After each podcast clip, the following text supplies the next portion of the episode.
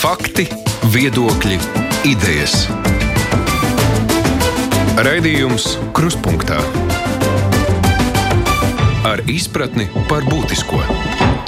Labdien, studijā Mārija Ansone. Izglītībā šis nav bijis viegls gads un atliek tikai cerēt, ka nu, nākamajā mācību gadā viss būs daudz maz atgriezies ierastajās sliedēs. Gal galā ir jāatgūst iekavētājs, turklāt pandēmijas dēļ netika atceltas arī reformas, kas bija aizsāktas pirms tā, tajā skaitā arī jaunā izglītības kompetencēs balstītās izglītības sistēmas ieviešana. Par to būs mūsu saruna arī šajā kruspunktā stundā nepilnajā stundā. Šodien mūsu studijā ir draudzīgā aicinājuma Cēs valsts ģimnāzijas direktors Oskars Kaulēns. Labdien! Labdien!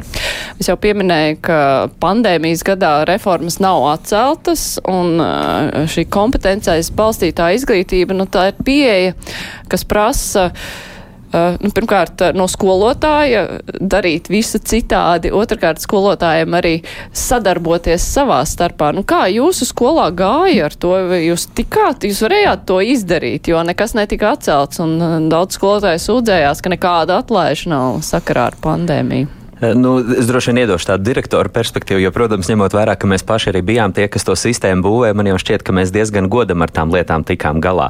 Eh, es, es gluži negribētu piekrist tam apgalvojumam, ka jaunā, jaunā izglītības pieeja paredz visu pilnīgi darīt citādāk. Un tas, ko ir, ir teikuši kolēģi ne tikai manā skolā, bet arī citur, nu, īstenībā tie elementi, ko šobrīd no skolotāja sagaida mācību procesā, viņi visu laiku ir bijuši klātesoši. Varbūt citiem, citiem jēdzieniem nodefinēti, bet principā tieši tādu pašu procesu jau desmit gadus vismaz lielai skolotājai arī īsteno.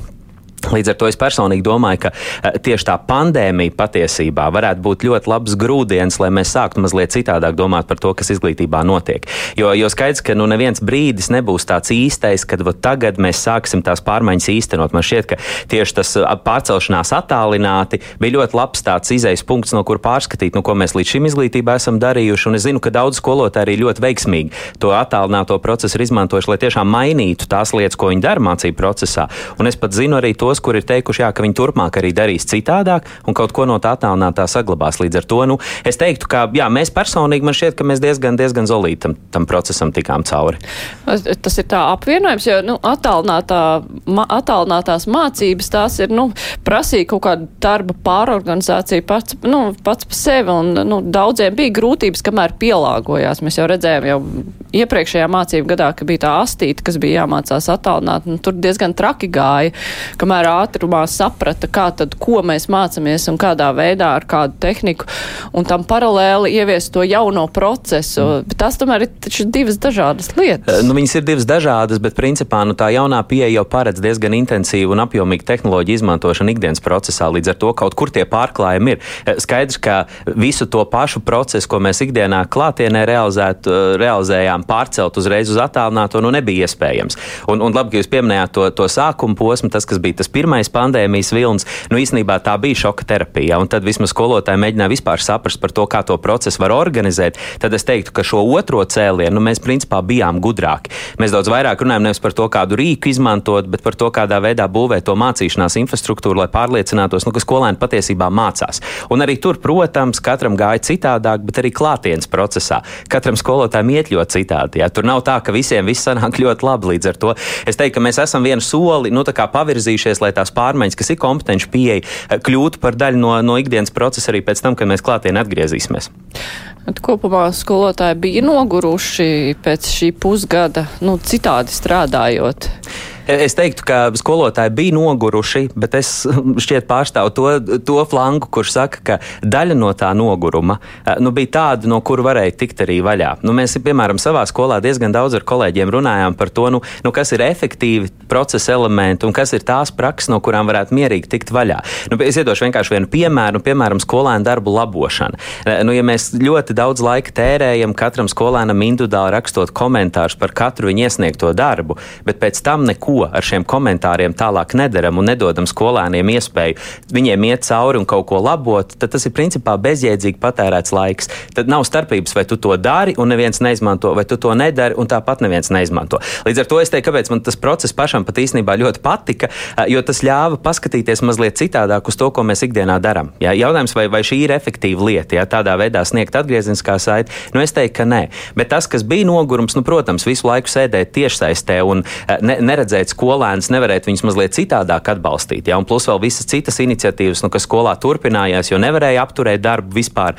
Es teiktu, ka tas nogurums bija pietiekami liels, bet, bet daļa tur ir nu, procentuāli kā 20. Es teiktu, ka to varēja samazināt. Ja mēs vēl vairāk paskatītos, nu, ko mēs darām, tajā procesā, vai tas ir tiešām efektīvi un ved uz to rezultātu, ko mēs gribam. Bet nogurums bija, protams, jā. Bet nu, tā samazināšana, nu, vispār darba efektivizēšana, tā var notikt tikai tad, ja visa skola nu, kopā sadarbojas, nevis tur katrs kaut ko tur uh, mēģina. Kā tas, uh, diemžēl, daudzās skolās arī ir noticis, nu, ka katrs skolotājs pa savām saprot, kas viņam ir jādara, mm. nu, tad kaut kā nesaskaņot mm. rīkojās un beigās ir pārguruši ne tikai skolotāji, bet arī bērni, viņu vecāki un vispārējie. Nu, tas, ko no, no sistēmas viedokļa vienkārši kā mēs mēģinājām vismaz kolektīvi par šo sarunāties, mums, piemēram, bija uztaisīts katrai nedēļai kopējs mācību plāns, kur skolotāji rakstīja iekšā, nu, kas ir tie mācību sasniedzamie rezultāti, kas skolēniem jāapgūst, kas ir tās mācīšanās formas, kas būs jāizmanto, kādā veidā darbi tiks iesniegt. Nu, tādā ziņā vismaz, lai pārējie kolēģi arī redz, ko tas viens skolotājs ir plānojis un varētu mēģināt pat varbūt izķert kaut kādus pārklājumus, kur varbūt ir pa daudz vai nu skolēniem vai skolotāju pusē kaut kādu uzdevumu. Līdz ar to es teiktu, nu jā, es, es pilnīgi piekrītu, ka tā sadarbība ir atslēga un, un vispār veidot tādu kolektīvu valodu, kādā mēs vispār par mācīšanos skolā sarunājamies. Tas, ko es minēju par to efektivitāti un to atgriezenisko saiti, nu, tas ir viens, par ko mēs ļoti runājām. Jo skaidrs, ka pirmais, ko skolotāji ļoti daudz teica, jā, nu, ka viņi ir ļoti pārguruši un viņiem ir nenormāli pieaudzis darba apjoms. Bet, principā, nu, es kā vēstures skolotājs, ne tikai kā direktors, es teicu, ka es darīju visu tieši to pašu, ko es darīju klātienē. Man klāt nenāca tieši nekas. Es varēju visu pārcelt, attālināt un darīt citādi. Vienkārši es ļoti daudz personīgi par šo domāju, kā darīt lietas efektīvāk. Ja. Bet, bet sadarbība absolūti atslēgta. Jo ja mēs nezinām, ko, ko dara citi kolēģi un kā skolēni tajā jūtās, un mēs kaut vai ar viņiem arī nesadarbojamies un nerunājam, tad pie tā rezultāta šādā procesā visticamāk nav iespējams tikt. Tur es pilnīgi piekrītu. Un kā skolēni jūtas, kāda bija atgriezeniskā saite no skolēniem vai no visiem šī atgriezeniskā saite nāca, jo nu, tā arī ir problēma, bija problēma šajā mācību gadā, ka nu, bērni, kas varbūt mazāk apmeklē, neieinteresētāk apmeklē, kaut kur pazūd un neviens īsti nezina, nu, kas, kas tad ar viņu tur notiek? Nu, viņš varbūt parādās tajā Zoom, tajā lodziņā, nezinu, ko viņš tur dara un nezinu, mm. kas ar viņu notiek. Kā jūs saņēmāt informāciju par bērniem? Nu, viena klasiska lieta, ko mēs skolā darījām, ir, ir tāda izglītības platforma Dūrijo, kas dod iespēju skolām iegūt atgriezenisko saiti no skolēniem, vecākiem, tā skaitā no skolotājiem. Mēs ik pa divām nedēļām sākumā devām aptaujas vienkārši, lai saprastu, kā viņi vispār redz to procesu, kas tur notiek, kas tur nenotiek. Un prasījām ieteikumus, bet tiešām vairāk par tādām struktūrālām lietām, kā organizēt mācību procesu. Nu, piemēram, viena lieta, ko skolēni teica, eh, sākumā mani kolēģi un es ar tai skaitā vairāk devām skolēniem vienkārši pildīt patstāvīgu uzdevumus, un, un tad attiecīgi komentējām. Skolēni teica, lūdzu, nu, vajadzētu vairāk tiešais stundas. Mēs gribam tomēr skolotāju redzēt, un tad iespējams ir efektīvāks process. Un tas mēs vienkārši pamatojoties to atgriezenisko saiti, mēs to sākām arī darīt. Eh, bet, ja, ja tādu kopējo pulsu nu, jānoraksturo, kāds ir skolēniem, nu, tās atbildes bija ļoti dažādas, kā, kā viņi jūtās tajā procesā. Arī arī manā audzināmā, es esmu audzinātājs, un manā audzināmajā klasē man bija skolēni, kur teica, ka viņš šādi labprāt gribētu turpināt mācīties. Ļoti dažādi iemesli dēļ. Klases kolektīvs kaut ko kaut kādā mērā spēlē lomu eh, tajā, ka tu vari veltīt vairāk laika, lai iedziļinātos, tev neviens netraucē. Jā, iespējams, tu vari meklēt kādu palīdzību, ja tev ir vajadzība. Jā. Bet, bet tā emocionālā sajūta, nu, vismaz tā ilgstoši esot tajā procesā, un tas, ko es personīgi jūtu, nu, nu, ka tas tonus ir ļoti, ļoti nokrities. Daļai arī tāpēc, ka vienā brīdī tā kļuva par rutīnu. Ja, jo skolotāji jau arī nevar visu laiku izdomāt kaut kādas ultra uh, unikālas metodas, kā skolēns aizraut, un vienā brīdī tas process ieiet kā sistēma, nu, tādas rutinizētas darbības. Ja, un skaidrs, ka ne visiem skolēniem tāds rutīns, rutīns process arī ir, ir, ir derīgs. Ja. Tā kā, tā kā atbildes bija ļoti dažādas. Bet tas, ko vajadzētu, droši vien, nu, nu, es ļoti ceru, ka mēs klātienē tomēr rudenī tiksimies, bet ja šis turpinās, nu, daudz vairāk tomēr pievērst tieši tai sociāli emocionālajai nu, sajūtai, kāda ir skolēniem. Ja. Jo mēs diezgan daudz prasījām par procesu, drusciņi par to, kā jūs jūtaties ies. Jo ar to jušanos, jā, nu kaut ko mēs varam skolā izdarīt, jā, bet kaut ko mēs nevaram nekādā veidā ietekmēt. Vienkārši ir pandēmija un ir dažādi vēl citi ārpus skolas apstākļi, kas tiem nu, bērniem liek justies tā, kā viņi jūtās tajā procesā. Tā kā, tā kā tam vienkārši vajadzētu vairāk pievērst uzmanību. Bet ko tur var izdarīt? Tieši par to emocionālo? Jā.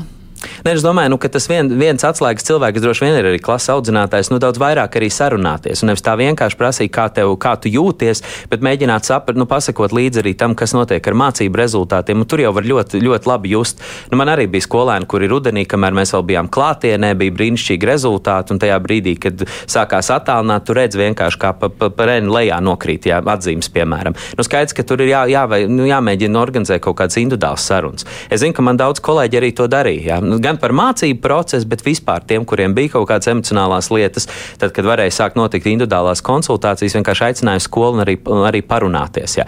Jo es teiktu, ka saruna tur neko citu jau īsti nu, ar vecākiem tāpat saprast, jā, vai vecāki ir pamanījuši, kas ar tiem bērniem notiek un, un iedot kaut kādus instrumentus, kā viņi var skolēnus labāk atbalstīt. Jā, bet nekādu citu tādu tieši instrumentu skolai jau īsti nav. Jā, izņemot, izņemot vēl nu, iedzināties un skatīties, vai nevajag kaut kādu citu institūciju palīdzību. Sociālais dienests, ja mēs mēģinājām sadarboties, lai, lai pasako līdzi, vai viss mājās ir kārtībā, jā, atbilstoši tā informācija, kas mums bija. Jā, bet, bet sarunāties un mēģināt saprast, nu, iedzināties tajā, kāpēc tā sajūta ir tāda. Vai tas tikai par procesu ir, mēs kaut ko kā skola darām nepareizi, vai tomēr ir vēl kaut kādi citi no mums neatkarīgi faktori, kas to ietekmē. Nu jā, šāda saruna ir iespējama tad, ja nu, visas iesaistītās puses ir ieinteresētas un uh, prot risināt šādu sarunu. Gan skolotājs, kurš var uh, tikt klāt tam bērnam, gan ģimene, kas ir ieinteresēta.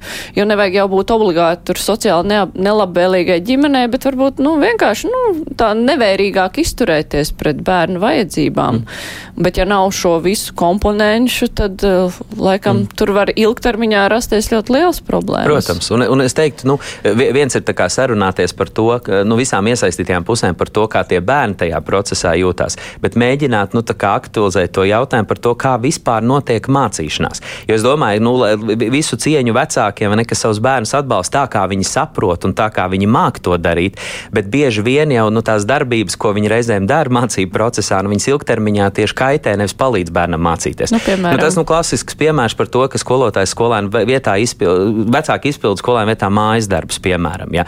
Nu, skaidrs, ka, ja tu ar, ar šo signalizē uzreiz bērnam par to, ka tu pats jau netiksi galā un bez manas palīdzības tu nekādā veidā šo nevarēsi darīt. Kāda ir varbūtība, ka tad, kad viņš nonāks klātienes procesā ar skolotāju, ka viņš varēs tās lietas izdarīt? Nu, droši vien, ka nē.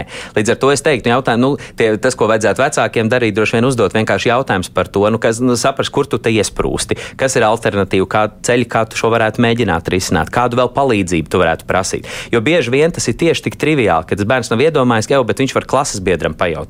Viņš var atnākt ar skolas individuālu konsultāciju ar skolotāju tās lietas izrunāt, bet vecākam ir ātrāk, un es to saprotu. Ātri izpildām, viss šis ir izdarīts un, un dzīvojam tālāk. Jā. Līdz ar to es teiktu, par šo ir vērts sarunāties. Un kāpēc es saku arī, ka tā pandēmija patiesībā ir bijusi?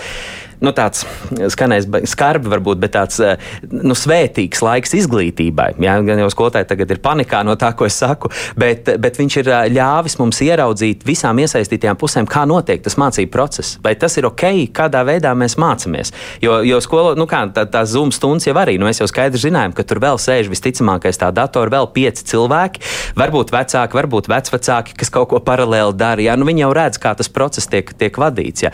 Un es teiktu, ka šī, šis būtu tas, kas būtu būtu ļoti jāizmanto domājot par nākotni. Nu, tagad parunāt par to pieredzi, kas te notika, tā skaitā ar vecākiem, tā skaitā ar skolotājiem, un saprast, kas ir tās mācības, ko mums nākamie, uz nākamo periodu pilnīgi noteikti vajadzētu paņemt.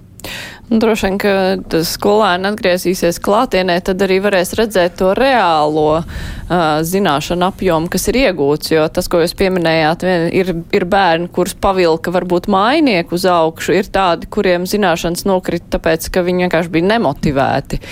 Un tā, tā patiesā aina varētu būt vēl citādāka nekā mēs tagad varbūt iedomājamies. Noteikti, un visticamāk, viņi būs citādāk. Un, un es te nesen vienā sarunā dzirdēju, ko viena man izglītības kolēģi teica par par to, ka, eh, no, ar ko mums ir jābūt ļoti uzmanīgiem, domājot par atgriešanos klātienē, nu nemēģināt uz tiem bērniem forsēt visu to, ko iespējams viņi nav apguvuši. Jo skaidrs, ka ir dažādi iemesli, kāpēc kaut kas no tā satura nav apgūts. Tas nav par to, ka ir slikts process, tas nav vienmēr par to, ka tie bērni negrib vai viņi ir slinki. Tas bieži vien ir no mums neatkarīgi apstākļu dēļ un, un prioritizēt to mācību saturu, nu, kas ir svarīgs, protams, bet mēģināt tagad visus tos robus lāpīt un plus likt vēl kaut kādas jaunas lietas klāt. Nu, skaidrs, ka aizies uz īso. Un tad, kas tur notiks, jā, man pat negribās domāt. Jā, līdz ar to es aicinātu nu, tā būt, būt tādiem paškritiskiem un saprast, nu, kas ir tās obligātās lietas, kuras vajag paskatīties, vai tiešām mēs šo esam iemācījušies, un kuras ir tās lietas, bez kurām mēs varam dzīvot, un ne, pasaule nesabruks. Labāk, lai mēs labi jūtamies tajā procesā un mācāmies tālāk tās lietas, kas ir jāmācās, nevis aizlāpīt robus, jo tad, tad būs ziepes. Tas um, labi jūtamies šajā procesā, droši vien ir tāds uh, atslēgas uh, vārds. Uh, nu, kas atšķir izglītību tajā sistēmā, kur es, piemēram, mācījos padomu laikā, kur neviens neinteresējās, vai bērns jūtas labi šajā procesā, un es pieļauju arī diezgan ilgi pēc neatkarības atjaunošanas tas ir diezgan liels jaunums eh, nu, domāšanā, lai bērns jūtas labi mācoties, lai viņam patīk mācīties.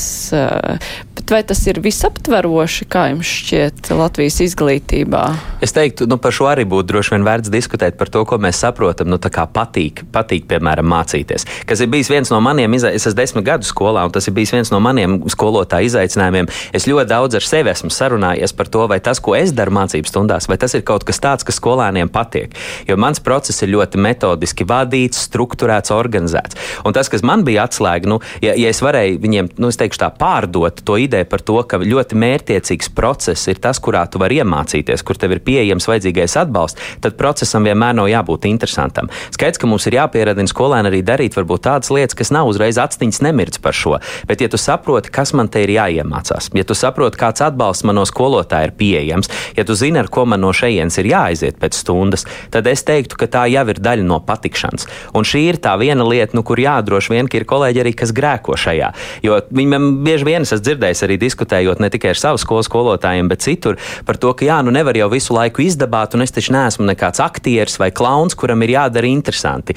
Mana pieeja par to, ka tev ir jānodrošina laba mācīšanās infrastruktūra. Tā skaitā attālinātajā procesā. Ja tu zini, kāda ir mērķi, ja bērni to zina, ja tu zini, kas ir jāapgūst, ja viņš zina, kur viņš piekļūst materiāliem, materiālam, ja viņš saprot, kāda ir uzdevuma instrukcija, kas tieši man jādara un kāpēc man jādara, tad lielai daļai patīk tāds process. Jā. Un tur es domāju, ka mēs esam diezgan, diezgan labu soli spēruši uz priekšu. Jā.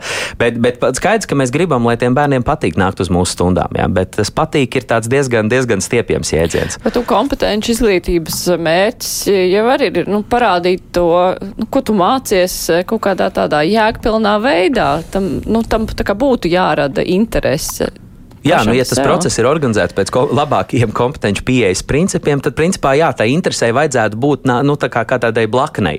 Nevis sākt ar to, lai automātiski ir interesanti, bet tu pieradini pie tā, ka mēs procesu organizējam citādāk, un tad bērniem parādās interese. O, mēs šodien šādā veidā mācīsimies, šodien mēs debatēsim, šodien mums būs seminārs par to un to jautājumu, un tu izmantojot vienkārši arī kaut kādas mācību metodas, tu radi papildus to interesi. Bet sagaidīt uzreiz, protams, nu, ka visi skolotāji eh, nu, kaut ko fundamentāli darīs citādāk, un bērniem uzreiz atstāt astiņas mirdzēs tikai tāpēc, ka ir kompetenci pieeja. Nu, noteikti nē. Tas, kas ir mana desmitgadu pieredze, īstenībā strādājot visu laiku kompetenci pieejā, ir stāsts par to, ka skolēniem sākumā ir diezgan liela pretreakcija. Tāpēc, ka kompetenci pieeja no tevis prasa daudz lielāku iedzināšanos. Tu vairs nevari sēdēt un klausīties skaistā skolotāja stāstījumā, varbūt kaut ko pierakstīt, varbūt nē, bet tev kognitīvi visu laiku ir jābūt procesā iekšā. Un tā ir milzīga atšķirība. Un bieži vien skolotāji, kas mēģina, saka, jā, bet redz, tur jau viņiem tāda pretreakcija, tur jau nekā nebūs. Bet mums jau jāsaprot, ka bērniem tas prasa lielāku piepūli. Tas ir pilnīgi normāli. Mums vienkārši jāvēlta vairāk laiks, lai pieradinātu viņus darīt lietas citādāk. Un tad tā patikšana arī parādās. Klausītāji komentē, ka pilnīgi noteikti attālinātā mācīšanās parādīja, ka skolā bērni netiek veicināti būt patstāvīgiem. Jā, tiek atbalstīts komandas darbs, un te viņi nerunā par komunikācijas trūkumu ar skolotāju attālinātā mācību laikā.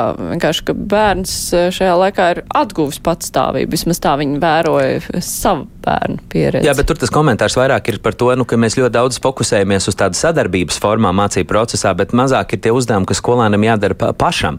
Bet es teiktu, ka tā, tā, tas ir rezultāts tam, ka mums īstenībā šobrīd joprojām pietrūkst tās situācijas mācību procesā, kur bērni paši izdara izvēles. Nu, ka tev pajautā, kā tu gribētu šo mācīties, mēs to darīsim šādi vai mēs darīsim šādi. Vai tu darbu gribi iesniegt šādā formā vai šādā formā. Jo citādāk jau nekā nevar pieredzināt viņus pie atbildības uzņemšanās par savu mācīšanos, ja vien tu neieliec viņu situācijā, kurā tas lēmums ir jāpieņem. Jā. Es piekrītu, nu, ka daudz kur ir fokus uz to sadarbību, bet skaidrs, lai tu varētu sadarboties, tev vispirms kaut kas pašam ir jāizdara. Vismaz efektīvā sadarbībā, nu, manās stundās ir tā, ka tu sāc, ka tu pats dari, un tad tu dalies ar citiem un mācies no citiem. Ja tā izejas pozīcija noteikti ir kaut kāda patstāvība. Bet es piekrītu, un līdz ar to, ko es teicu, ka tas attālinātais process ir parādījis, nu, ka jā, mūsu skolēniem, to es saku arī pēc tiem, ar kuriem es esmu strādājis, tās pašvadītas mācīšanās prasmes šobrīd pietrūkst. Ja, ir, man ir, ir tā versija, jā, ka tāpēc vienkārši ikdienas procesā klātienē nav tik daudz iespēju viņiem pašiem uzņemties atbildību. Skolotājs, kad nu, labā nozīmē cāļu mamma grib pieskatīt un, un, un maksimāli atbalstīt, kas nav slikti, bet kur tad skolēns pats uzņemās atbildību? Jā? Kur tad ir tā robeža starp skolotāju un skolēnu atbildību? Un tā līnija mums drusku ir izdzisusi. Ja? Mums vienkārši būtu jānovelk stingrāk. Jā, nu tad visi mēs, protams, ceram, ka bērni atgriezīsies rudenī skolā. Pagājuši gadā arī atgriezās, eh, un diez cik ilgi nepamācījās. Eh, vai mēs varam izturēt vēl vienu gadu? Nu, sadrumstalotu, bet arī atkal tādu daļēji attālināti, pilnīgi attālināti, vai ir nu, kaut kā jādomā, kā kaut vai to strukturēt, es nezinu, izvilkt ilgāk klātienē, daļēji attālināt, daļēji klātienē, nu, kaut kā domāt, lai nav tā kā pagājušajā gadā tas notika? Es teiktu, nu, par to izvilkšanu droši vien nu, nu, tādā mierīgā ritmā, ja, ja nav visu laiku kaut kādi jauni lēmumi par to, ka tagad šie var klātienē, tie vairs nevar klātienē, tik un tik metri un mazāk, eh, tad, un tad mēs tiešām to mierīgi darītu, tad droši vien, ka izvilkt, un pareizs jēdziens izvilkt jau mēs varam, jā, nu īpaši jau skolotāja, viņi ir, ir man liekas, rūdīta tauta, un viņi ne to vien var izvilkt. Eh, bet ja mēs gribam domāt par tādu nu, tiešām kvalitatīvu mācīšanos, kur mēs varam garantēt par to, eh, ka gan skolēni, gan skolotājs pārliecinās, ka tiešām iemācās, nu, ka tur ir kaut kāds sausais atlikums no tā procesa, tad droši vien tāda raustīšanās, nu, visticamāk, traucēs, traucēs tam mācību procesam. Es, es godīgi, mana skola bija pri, nosacīta privileģētā stāvoklī, mums ir skolēni no 7. klases, līdz ar to, principā, mēs kā rudenī uz rudens brīvdienām aizgājām attālināti, tā mēs visu laiku praktiski tikai attālināti arī dzīvojām. Jā. Līdz, līdz maijam, kad sākās konsultācijas un tādas lietas, jā, līdz ar to es, es godīgi sakot, protams, neapskaužu arī tos direktorus, direktori, kuriem visu laiku nācās pārplānot, jo skaidrs tur uz vienu nedēļu ielikt klātienes procesā kaut ko darīt un tad atkal attālināt. Nu, tam īsti jau noturības nav. Jā. Līdz ar to es teiktu, ka būs, būs ļoti sarežģīti. Un skolām daudz vairāk būs jādomā par to, ja, ja mēs gribam to klātieni nu, pēc iespējas ilgāk nodrošināt, tad mums būs jādomā par to, kā to procesu organizēt. Tā izskaitā arī ar skolotāju vakcinēšanos. Un kā Tas... jūs skolā iet ar skolotāju vakcinēšanos? Es jau domāju, ka šo arī prasīs, un es ar tādu lepnumu varu paziņot, ka mums ir nu, vismaz 80% mani kolēģi ir vakcinēti. Jā. Ir, ir daži, kuri vēl, vēl tā kā domā, ka viņiem vajadzētu, ir tādi, kas objektīvi šaubās un satraucās vienkārši par savu personīgo veselību, jo no citām vakcīnām ir bijis diezgan smagas komplikācijas, bet, bet principā lielākā daļa mani kolēģi ir, ir ļoti saprātīgi. Mans personīgs viedoklis par šo, bet, bet nu, viņi ir to izdarījuši, jā, un, un līdz ar to, nu, nu daļai arī tāpēc, nu, ka mēs gribam to klātienes procesu. Ka vienkārši man ir kolēģi cienījamos gados, un, un, un tas nav viņiem vienkārši. Jā, un es teiktu, ka klātienes procesā tas pasaudzēs gan skolotāju resursus, gan iedos pārliecību ar tiem, tiem skolēniem, ka viņi var kaut ko iemācīties. Tā kā, tā kā es teiktu, ka tas ir jādara. Nu, pēc Rīgas standartiem jūs tā tiktu pie naudas. Jā. Būt skola Rīgā. Es ceru, ka šo klasās arī cēsu novada pašvaldība, jā, un, un zinās, ka ir jā, jā, jā, jāiedod mazliet vairāk. Jā. Nē, nē, mēs tiktu, jā. Bet eh, nu, jums droši vien ir bijušas sarunas ar kolēģiem par vakcināciju, par uh, iemesliem, kāpēc kāds vakcinēs, kāpēc nevakcinēs. Jūs pieminējāt to, ka mēs gribam atgriezties darbā klātienē. Nu, tie ir tie galvenie apsvērumi. Nu, tas viens, tie ir no izglītības viedokļa, jā, nu, ir kolēģi, kur ir, nu, piemēram, ļoti liela kultūras baudītāji, un viņi teica, ka, piemēram, šis ir viens no iemesliem. Tā kā, ja es zinu, ka es varu dabūt kaut ko no tā, kas ir, nu, piestāv normālai dzīvei, aiziet uz teātru, uz koncertu un vakcinēt vakcinācija man to nodrošina, tad šis arī vēl viens arguments, kas ir, kas ir izskanējis. Bet, bet trešā lieta, protams, arī personīgā veselība. Man tiešām ir kolēģi, kas ir cienījamos gados un, un savā ziņā ir arī tajās riska grupās, jā, un, man, un es absolūti viņiem esmu pateicīgs par to, ka man nav bijis viņus jāskubina un kaut kāda speciāla saruna tagad jāvirz par vakcināciju. Jo viņi visi vienkārši pateica, es eju tad, es eju tad, tad man ir datums, jā, un mēs savilkām gals kopā, un mēs saprotam, vismaz 80% to ir izdarījuši. Jā. Jo man, sak, sak, godīgi, nu, man personīgi kā direktoram iet diezgan grūti ar tām lietām, kur man, paš, manuprāt, pašsaprotams lietas ir citiem jāmēģina ieskaidrot. Jo es teiktu, ka šis ir par sabiedrisko drošību un veselību. Nu, tas, tas nav vairs lēmums tikai par mums, kā mums ir labāk, bet mums ir jāsaprot, nu, vai, vai, ja mēs to nedaram, vai tas nerada kaut kādas blaknes nu, citiem cilvēkiem. Jā, un, ja tu strādā izglītībā, tad es teiktu, ka tas var radīt blaknes citiem. Līdz ar to tev ir, ja, nu, tas būtu nu, minimālais, kas ir jā, jāizdara. Jūs kā direktors būtu bijis gatavs iet un runāt un pārliecināt, nu, vai, vai jūs prāt tas ir jādara direktoriem skolās, jo nu, tie rādītāji jau ir ļoti dažādi. Ir skolas, kur ir 30% vakcinējušies. Nu, skaidrs, ka direktori kā organizācijas vadītāja atbildība, protams, ir pārliecināties, ka tas mācību process var notikt pēc iespējas efektīvāk. Līdz ar to, ja es būtu uh, situācijā, kur ir 30%, nu skaidrs, ka mēs to iet un, iet un darītu. Jā, bet, bet tas, kas atkal ir jāsaprot, nu, ka tikai no direktora pārliecināšanas spējām jau nevar paļauties, nu, ka viņš var to izdarīt un ka tie tāpēc cilvēki ies un to darīs. Jā. Es teiktu, ka valsts, nu, protams, valsts iniciatīvai arī jāsako, bet man kā organizācijas vadītāja atbildība ir, lai skolēniem būtu pēc iespējas kvalitatīvāks mācību process. Ar to patīk vai nepatīk, bet man tas būtu jādara. Un droši vien, ar tiem 20%, kas manā organizācijā nav, to izdarījuši, nu, man būs jāparunājās. Jā, jo es zinu dažiem, kuriem ir nu, ciet, ciet, ciets arguments, kāpēc, un citi ir tādi, kas vēl ir mīcāms materiāls. Līdz ar to, ar to mēs arī mēģināsim strādāt, jo es ļoti gribu klātienu. Es tiešām gribu klātienes procesu, un man kolēģi arī to grib, un skolēni grib. Nu, tad tas nav, nav citu variantu, kā mēģināt sarunāties par šo. Un obligātā vakcinācija?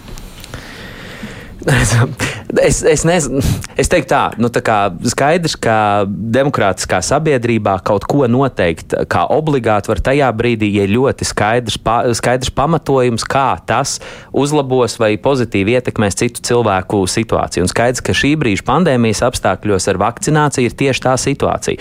Man nesen vienā sarunā tieši arī prasīja, vai tad var ierobežot cilvēku brīvību, un es teiktu, kā politologs pēc izglītības, es teiktu, ka jā, jo šobrīd īstenībā viena cilvēka vai dažu cilvēku cilvēku vēl, nu, izvēle to nedarīt, apdraud cita cilvēka, cita cilvēka tiesības nesaslimt un dzīvot normālu dzīvi. Jā. Jo mana brīvība beidzās tur, kur sākās cita cilvēka brīvība. Jautājums ir, nu, jā, vai, vai es redzu to robežu, jā, un, un šajā gadījumā īpaši jau izglītībā, nu, mana, mana, mana izvēles brīvība beidzās tajā brīdī, kad es ieeju klasē un man tur sēž 20, 30 skolēni, un es esmu par viņiem atbildīgs, lai viņi man neko nenodarītu, jā, un, un es viņus ne, nekādā veidā neapdraudētu. Jā. Un tādā ziņā es teiktu, ka tā ir ir kaut kāda individuāla, individuāla izšķiršanās, un tā brīvība, brīvība droši vien kaut kā ir ierobežojama. Es teiktu tā. Bet, ja noteiks obligāta vakcinācija, piemēram, izglītībā, nu, sanāk, ka jums tad tie 20% kolēģi, kur nebūs vakcinēti, tad viņi būs jāiet prom? Jūs nu, nav gatavs? obligāti, obligāti nav jāiet prom. Nu, tas, ko var darīt, tad var mēģināt īstenot kombinētu mācīšanos. Nu, ka, principā, skolotājs ir attālināti, šobrīd pieredze ir, praksa ir, iemaņas ir. Līdz ar to es teiktu, ka mēs visticamāk tad ietu to variantu, ka tiem skolotājiem runāt par to, kādā veidā viņus atbalstot. Nu, protams, arī cienot viņu izvēli. Nu, ja viņi galīgi nav pārliecināmi, tad vienkārši atbalstīt tajā attālinātajā procesā. Un mēs jau tā kā drusku esam skatījušies, kur ir tie skolotāji un kādā veidā to varētu mēģināt īstenot. Jā. Tas nenozīmē, ka uzreiz ir jāatlaiž. Bet, protams, tur ir, ir mācību priekšmeti, kuros attālināti nav iespējams izdarīt visu to, ko standarts paredz. Jā. Līdz ar to skaidrs, ka tur kaut kādi kompromisi būs jāmeklē, vai arī būs jāpieņem kaut kādi, kaut kādi lēmumi. Jā. Bet mēs skatāmies uz to kombinēto procesu, ka daļa man kolēģi varētu strādāt attālināti. Bērni ir klātienē, pieslēdzās pie datoriem, skolotājs zumā vai kur citur uz ekrāna, jā, un, un varbūt kāds viņus arī pieskata tajā brīdī, jā, bet nu, šis varētu būt, būt tas risinājums. Bet tas nozīmē, ka nu, nosakot kaut kādas profesijas, kurās ir obligāti obligāta vakcinācija, tas ir jāatstāja tā iespēja, ka cilvēks var strādāt eh, mācību iestādē vienkārši attālināti. Nu, respektīvi, ka nevar likumā pilnīgi aizliegt strādāt uh, noteiktā profesijā, ja viņš nav vakcinējies vai pārslimojis, jo tad jau mm. teorētiski arī attālināti nevar. Nu, galvenais, lai nesaskarās mm -hmm. skolas ar šādu problēmu pēkšņi, ka viņi pat nevar nodarbināt kādus. Cilvēkus. Jā, jo, jo vienkārši nu, zinot arī to skolotāju vispārējo trūkumu, jā, tajā brīdī, kad tas tiek ierakstīts melns uz baltu par to, ka ir pilnīgi pilnīgi obligāti, un tad, ja, nav, ja, ja, ja to nedara, tad ir atlaišana, tad es īsti nezinu, kas mācīs to skolēns. Tad jālūdz Dievs, lai mēs paliekam attālināti, jā, un, un visi var turpināt, turpināt darbu. Es teiktu, jā, ka tas varētu būt risinājums, jā, jo šobrīd jau ir ierakstīts ministrs kabineta noteikumos par to, ka, ka šī nu, daļēji attālināts process, var būt kā organiska mācību, mācības procesa sastāvdaļa. Jā, līdz ar to es pat ļoti ceru, ka daudz skolas arī ies šo ceļu, ne, kad pandēmija beigsies, bet mēģinās kaut kādas lietas darīt attālināti, jo ir brīnišķīgi skolotāji, pie kuriem es varu piekļūt tikai tad, kad viņi ir attālināti. Viņi, nav, viņi nevar pie maniem skolēniem atbraukt. Bet es caur to attālināto procesu varu nodrošināt, ka viņi var mācīt nu, pie manis. Jā. Tā kā šis varētu būt, būt tā tāds saprātīgs risinājums, bet pie nosacījuma, ka tie skolotāji, kur māca attālināti, viņi uzņemās atbildību par to, ko skolēni iemācās un kāda ir mācība rezultāti. Tā, nu, viņi, tā vienmēr bija skolotāja atbildība, bet nu, vēl vairāk arī attālinātajā procesā, jo tā ir tava izvēle. Un par savu izvēli nu, ir jāuzņemās arī atbildība. Nu, bieži vien, nu, pa, paskatoties kaut kādas diskusijas sociālajos tīklos, ir tāds arguments, nu, ja skolotājs nevakcinējas, vēl nedod Dievs, viņš ir aizgājis kādā sazvērstības teorija pavadā vai netic zinātnē. Nu, kā tāds skolotājs var mācīt mūsu bērnus? Bet vai to var tā vienkārši skatīties tā, ka nevakcinējas antivakseris, vakcinējas malacītis. Nu, protams, ka nē, nu, tā ir argumentācijas kļūda. Ja vienkārši melnbalda domāšana par to, vai nu šādu vai tādu. Nu, skaidrs, ka tur ir, tas, ir kaut kādi apsvērumi un argumenti, kāpēc tam cilvēkam ir tāda vai citādāka pārliecība. Un, ja netiek viņam zem ādas un nevar noskaidrot, nu, kāpēc tā pārliecība ir tāda, varbūt tur tiešām ir kaut kāda vēsturiska pieredze kaut vai ar citām vakcīnām, kas ir iedevusi to noliegumu, tad, eh, tad skaidrs, ka tur eh, nu, šāds, tas tāds pārāk paviršs un ātrs apgalvojums pateikt, ka viņi automātiski ir antivakseri. Tas, par ko man personīgi personīgi ir pār, nu, pārsteigums un satraukums. Jā, nu, ņemot vērā, ka tomēr skolotāji ir nu, sabiedrības inteliģents. Lielākā daļa no viņiem māca nu, zinātnes priekšmetus, jā, un, kur, kur viss balstās uz kaut kādu zinātnisku patiesību, uz pierādījumiem, uz faktiem. Un, ja tad tu, tu šo nu, atbīdi pilnībā malā un nostājies pilnīgi pret zinātni, bez kaut kādiem racionāliem argumentiem, tad es godīgi man tas nav saprotams. Tad es nesaprotu, jo skaidrs, ka nu, kā, tikai uz to vien, ka viņš pasaka, viņš nevakcinēsies, es nevaru pateikt, nē, tad tu esi antivaksers un tev ir jāatlaiž. Jā. Es gribētu saprast vairāk, bet, bet šī situācija īstenībā ļoti parāda par to, nu, kas notiek arī skolās. Kas, ir, kas notiek vispār cilvēku galvās un kā mēs domājam par lietām. Ja. Es neesmu obligāti arī automātiski vakcīnu apoloģēts, bet es ticu zinātnē, ja, un es ticu tam, ko citi cilvēki ir, ir radījuši un kādas lēmumus viņi pieņem. Līdz ar to man personīgi vispār nav šaubas. Jo pats nesen tikko lasīju sociālajos tīklos par to, ka skolotāji pārdzīvot par to, ka nav, nav jau informācija pieejama. Un bija Twitterī tieši pretī komentārs par to, ka, nu, ka īstenībā skolotāji, kuriem ir jāmāca prasmes atrast informāciju, lietot, kritiski izvērtēt, paši saka, ka nav informācija. Nu, kā tad man ir informācija? Es arī esmu skolotājs. Jautājums ir, kas tie burbuļi, kuros, kuros mēs dzīvojam. Jā? Bet es ļoti aicinātu izvairīties no tiem ātriem, ātro cilvēku tādas klasificēšanas, jā, kas tagad jau modē vai ne par diskriminēšanu, kā saka, jā, kaut kādās grupās, bet mēģināt saprast, kas ir tie, kas ir tie apsvērumi. Un gan jau kādam no viņiem ir tiešām tāds ļoti, ļoti pamatots bažas, kāpēc nē. Jā, un, nu, tā ir tā izvēle, galvenais neapdraud citus ar to. Bet šī neprasme sašķirot informāciju, nu, to, to jau arī var redzēt, ko, ar ko cilvēks, piemēram, sociālajos tīklos dalās. Nu, tur dievu zīmes citreiz parādās. Un arī no tādiem cilvēkiem, kurš šķiet, nu, ka viņiem jau, nu, kaut kā pēc viņa profesijas vajadzētu tā kā saprast apmēram, nu, kas varētu būt kaut cik uzticams informācijas avots un kas nav. Bet, nu, no kurienes tam aug kājas? Vai tas ir kādreiz to nemācīja. Nu, it kā jau speciāli nemācīja, bet nu, tomēr cilvēki, kuri kaut kur ir mācījušies, taču parasti māk šķirot to informāciju. Es vienkārši domāju personīgi, nu, ka tās, tās situācijas, kurās tās prasmes ir jālieto, viņas ir kļuvušas daudz komplicētākas. Tas vairs nav tik vienkārši, ja tu pasaki, šis ir pareizi, šis ir nepareizi. E, ir, nu, katrs no, mē, no mums ir mēdījis, vai ne? Mēs, mēs publicējam to, ko mēs gribam. Mūsu viedoklim automātiski ir kaut kāda auditorija, un es pieļauju domu, ka vienkārši nu, daļa kolēģi. Nu, tie, kas ir varbūt šie ar kolēģiem domājot, vispār skolotājs, ja kas pār, pārpublicē, es pieļauju domu, ka viņi eh, to dara ļoti neapzināti. Tas pat nav nevienmēr tāds pārliecības jautājums, ka es šo pārtvītoju vai pārpublicēju, tāpēc, ka es reāli ticu, ja, ka eh, Kivičs ir, ir kaut kas absolūti, absolūti brīnišķīgs un pastiesības paudējs. Ja. Es pieļauju domu, ka tas ir bieži vien kaut kāda instinktīva darbība, ko tu veic, tu vienkārši nepadomājot par to, eh, kādas sekas tas var radīt un ko tas vispār stāsta par tevi. Un šī, man liekas, ir viena ļoti būtiska būtiska lieta. Man ļoti gribētos īstenībā ar skolotājiem par šo vairāk parunāt, par to, kā paskatoties uz to informāciju, ko tu publicē, kur tu spied savu īkšķīti, ja, piemēram, Facebookā, ko tas patiesībā stāsta par tevi, cik ļoti citi cilvēki tev var uzticēties. Jo skaidrs, ka tur manā, nu, manā, manā burbulī arī ir cilvēki, kuri, kuri pārpublicē kaut kādas lietas, kas, kurām absolūti nav nekāda zinātniska, zinātniska pamatojuma un tāds emo, emocijās balstīts spriedums. Bet varbūt viņš vienkārši emocionāli ar to reaģēja, ja, ka kādam ir sāpes un tāpēc viņš to darīja. Bet, bet tā situācijas, jā, nu, un būsim godīgi, ka lielai daļai skolotāji arī to, to sociālo tīklu lietošanas paradumu, tas arī ir jaunums. Jā. Nu, es sev pieskaitu nosīt pie jaunās paudzes vēl. Līdz ar to es kā, esmu to, to mācījies un, un, un to daru jau krietni sen. Citi skolotāji zina pēc savas mammas, kur arī ir, ir tīklu pasaulē tagad. Jā, vienkārši tie ir ieradumi, kas ir jākopja. Un viņiem arī vajag atgriezenisko saiti un pateikt, pa, nu, padomā par šo. Šis nav ok. Jā. Un jautājums ir, cik ir citi cilvēki, kas pasaka, tas, ko tu tur pārpublicēji, tā nevajadzētu darīt, tāpēc, tāpēc, tāpēc. Jā, nevis nosauc par muļķi, un tu jau neko nesaproti. Jā. Man liekas, ka iztrūkst tās atgriezeniskā saites, nu, ka kāds viņiem pasaka, ka šis īsti nav, vai tas par tevi rada nu, tādu nezinātnisku cilvēku iespēju, ka varbūt tā nevajag darīt. Jā. Bet nu, šāda informācijas e, pārbagātība, nu, kas teikt ir visiem kļuvusi pieejama, plus vēl iespēja pašam izpausties, būt eh, rakstniekam, blogeram, paust viedokli, vīt kopā faktus un eh, visiem to izstāstīt, nu, tas ir tāds eh, pēdējo desmit gadu, nu, 15 gadu fenomens. Un nav brīnums, ka cilvēki nu, to kādreiz nemācījās un nesaskārās, bet vai tagad skolās tam ir jāpievērš uzmanība, nu, kaut kā jāmāca nu, bērni, kā, kādā veidā Nu, kā, kā strādāt ar šo milzīgo informācijas daudzumu un iespēju pašam izpausties? Protams, un tas ir viens no argumentiem, nu, kāpēc arī kompetenci pieeja pats personīgi tic, jo ļoti daudz arī, nu, nu kas principā ir mediju pratības jautājumi, vai ne, ko jūs tikko minējāt, ka viņi, viņi jau tajā jaunajā mācību saturā ir iestrādāti, jā, un arī tās saucamās caurvīja prasmes, kas ir jāīsteno katrā mācību priekšmetā, pa lielam viņas jau tieši uz šo ir.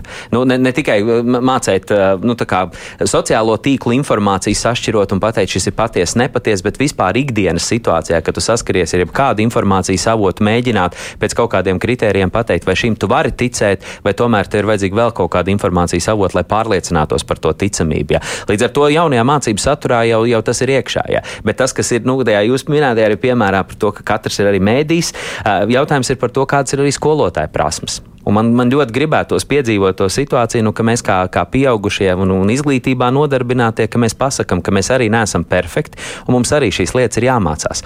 Jo sagaidīt, ka šo mācēs automātiski, ja, no, nu, ja ne, šito nepārtvītot šo jā, tas tā nenotiek. Ja. Tas ir ieradums, kas ir jākop, jākop ļoti regulāri, un, un lai ieradums veidotos, vajag atgriezenisko saiti. Ja, un ja šī iztrūks, tad, tad visticamāk skolotāji šo nevar iemācīties, un ja es kā skolotājs to neprotu, tad visticamāk to nevaru iemācīt arī bērniem. Nu, visticamāk, bet noteikti es to nevaru iemācīt. Jā. Līdz ar to man liekas, ka atslēgas lieta ir skolotājs, ar ko būtu būt, jāstrādā. Un uz viņiem īstenībā tajā kompetenci pieejā man liekas, ka skolotājiem arī ir ļoti daudz vērtīgas lietas, ko viņi var iemācīties. Jo, lai to mācītu, viņiem pašiem tas jāiemācās. Visu problēmu risināšanas prasmes, piemēram. Jā. Līdz ar to es teiktu, ka tas saturs tādā ziņā ļoti labi atbalsta gan skolēns, gan arī skolotāju mācīšanos. Mums tur ir kur augt. Jā, tagad tā informācijas šķirošana un saprašana ir ļoti aktuāla tieši virusoloģija tehnoloģijas un vakcīnu tādā kontekstā, bet eh, nu, līdz šim vairāk eh, mēs par to runājām tieši politikas kontekstā, ka cilvēki arī nu, nemāk eh, sašķirot, kas ir kas, skatoties uz to, kas politikā notiek, ko politiķi runā, ar ko viņi mēģina cilvēkus paķert, vai tas ir jāmācās, nu, saprast, redzēt, kas ir politiķis, kas nav politiķis, ko viņš īsti no sevis sevis uh, veido. Man, man šķiet, ka vispār ir svarīgi interesēties par to, kas sabiedrībā notiek. Un ja mēs nonāksim līdz tam, ka, ka ne tikai skolēni, bet arī skolotāji nu, regulāri sekos līdz visam tam, kas notiek sabiedrībā, mēģinās par to sarunāties ar citiem, ne tikai savā burbulī, bet izkāpjot ārā, tad es teiktu, ka mums atnāks arī izpratne par to, ko kurš politiķis sola, kam var ticēt, kam var neticēt. Jo, jo līdzīgi kā iepriekš par to mediju pratību mēs runājām, nu, tā, tā, tā ir ieraduma lieta. Jo kamēr es neesmu personīgi dabūjis pretsitienu, vienu ar savu izvēli, kaut vai aizejot vēlēšanās, nobalsojot par kādu populistu, es jau īstenībā nezinu, ka es esmu izdarījis nepareizu izvēli. Nu, ko, ko man darīt, ja es svēti ticu? Nu, ja man ir tā pārliecība, ka šis gaismas nesējs mums atnesīs to labāko dzīvi, jā. es teiktu, ka labi, ja tā ir tava pārliecība, nu, paskaties, jā. jautājums ir, vai tu esi izvērtējis vēl citas alternatīvas. Jā. Gaismas nu, nesēji parasti atrod citus vainīgos, kuri viņam neļāva atnest to laimīgo dzīvi, un tad viņam arī tic tam Nē, nu arī, nesējiem, protams, ka- protams, bet nu, man šķiet, ka mēs tomēr dzīvojam tādā ļoti fluīdā sabiedrībā, nu, kurā tie uzskati un tās pārliecības mainās, un tas ir, tas ir normāli. Man, nu, es neticu tam, ja, nu, es vairāk ir, satrauktos tad, ja kāds ir absolūts tāds apoliģēts kaut kādai pārliecībai un pie tās turās līdz kaulam un ne pa labi, ne pa kreisi. Es ar tādu mazāk gribētu kaut ko kopā darīt nekā tie, kuri mēdz, jā, šoreiz par šiem, to nākamreiz par tiem, jo viņi vienkārši īstenībā meklē kaut ko, ar ko varētu identificēties, kam varētu piederēt, kas varētu kaut kādā veidā viņus atbalstīt. Jā. Līdz ar to es teiktu, ka tas varētu būt, būt d- drošāks ceļš nekā tie cietās pārliecības turētāji. Jā, es uh, savukārt uh, lēnā garā teikšu paldies. Uh, šodien kopā ar mums bija cēs, ne, traudzīga aicinājuma cēs valsts ģimnāzijas direktors Oskars Kaulēns un kā te raksta klausītājs Kaulēns ir labākais skolas direktors Latvijā. Nu, te vēl ir daudz labu vārdu rakstīti, bet uh, uh, savus viedokļus par dzirdēto intervijā klausītāji varēs mierīgi paust brīvajā mikrofonā. Ja jums ir iespēja paklausīties, gan jau būs arī Labi. šis tas par to, ko jūs teicāt. Es saku jums paldies, Paldies. un savukārt mums ir brīvā mikrofona laiks.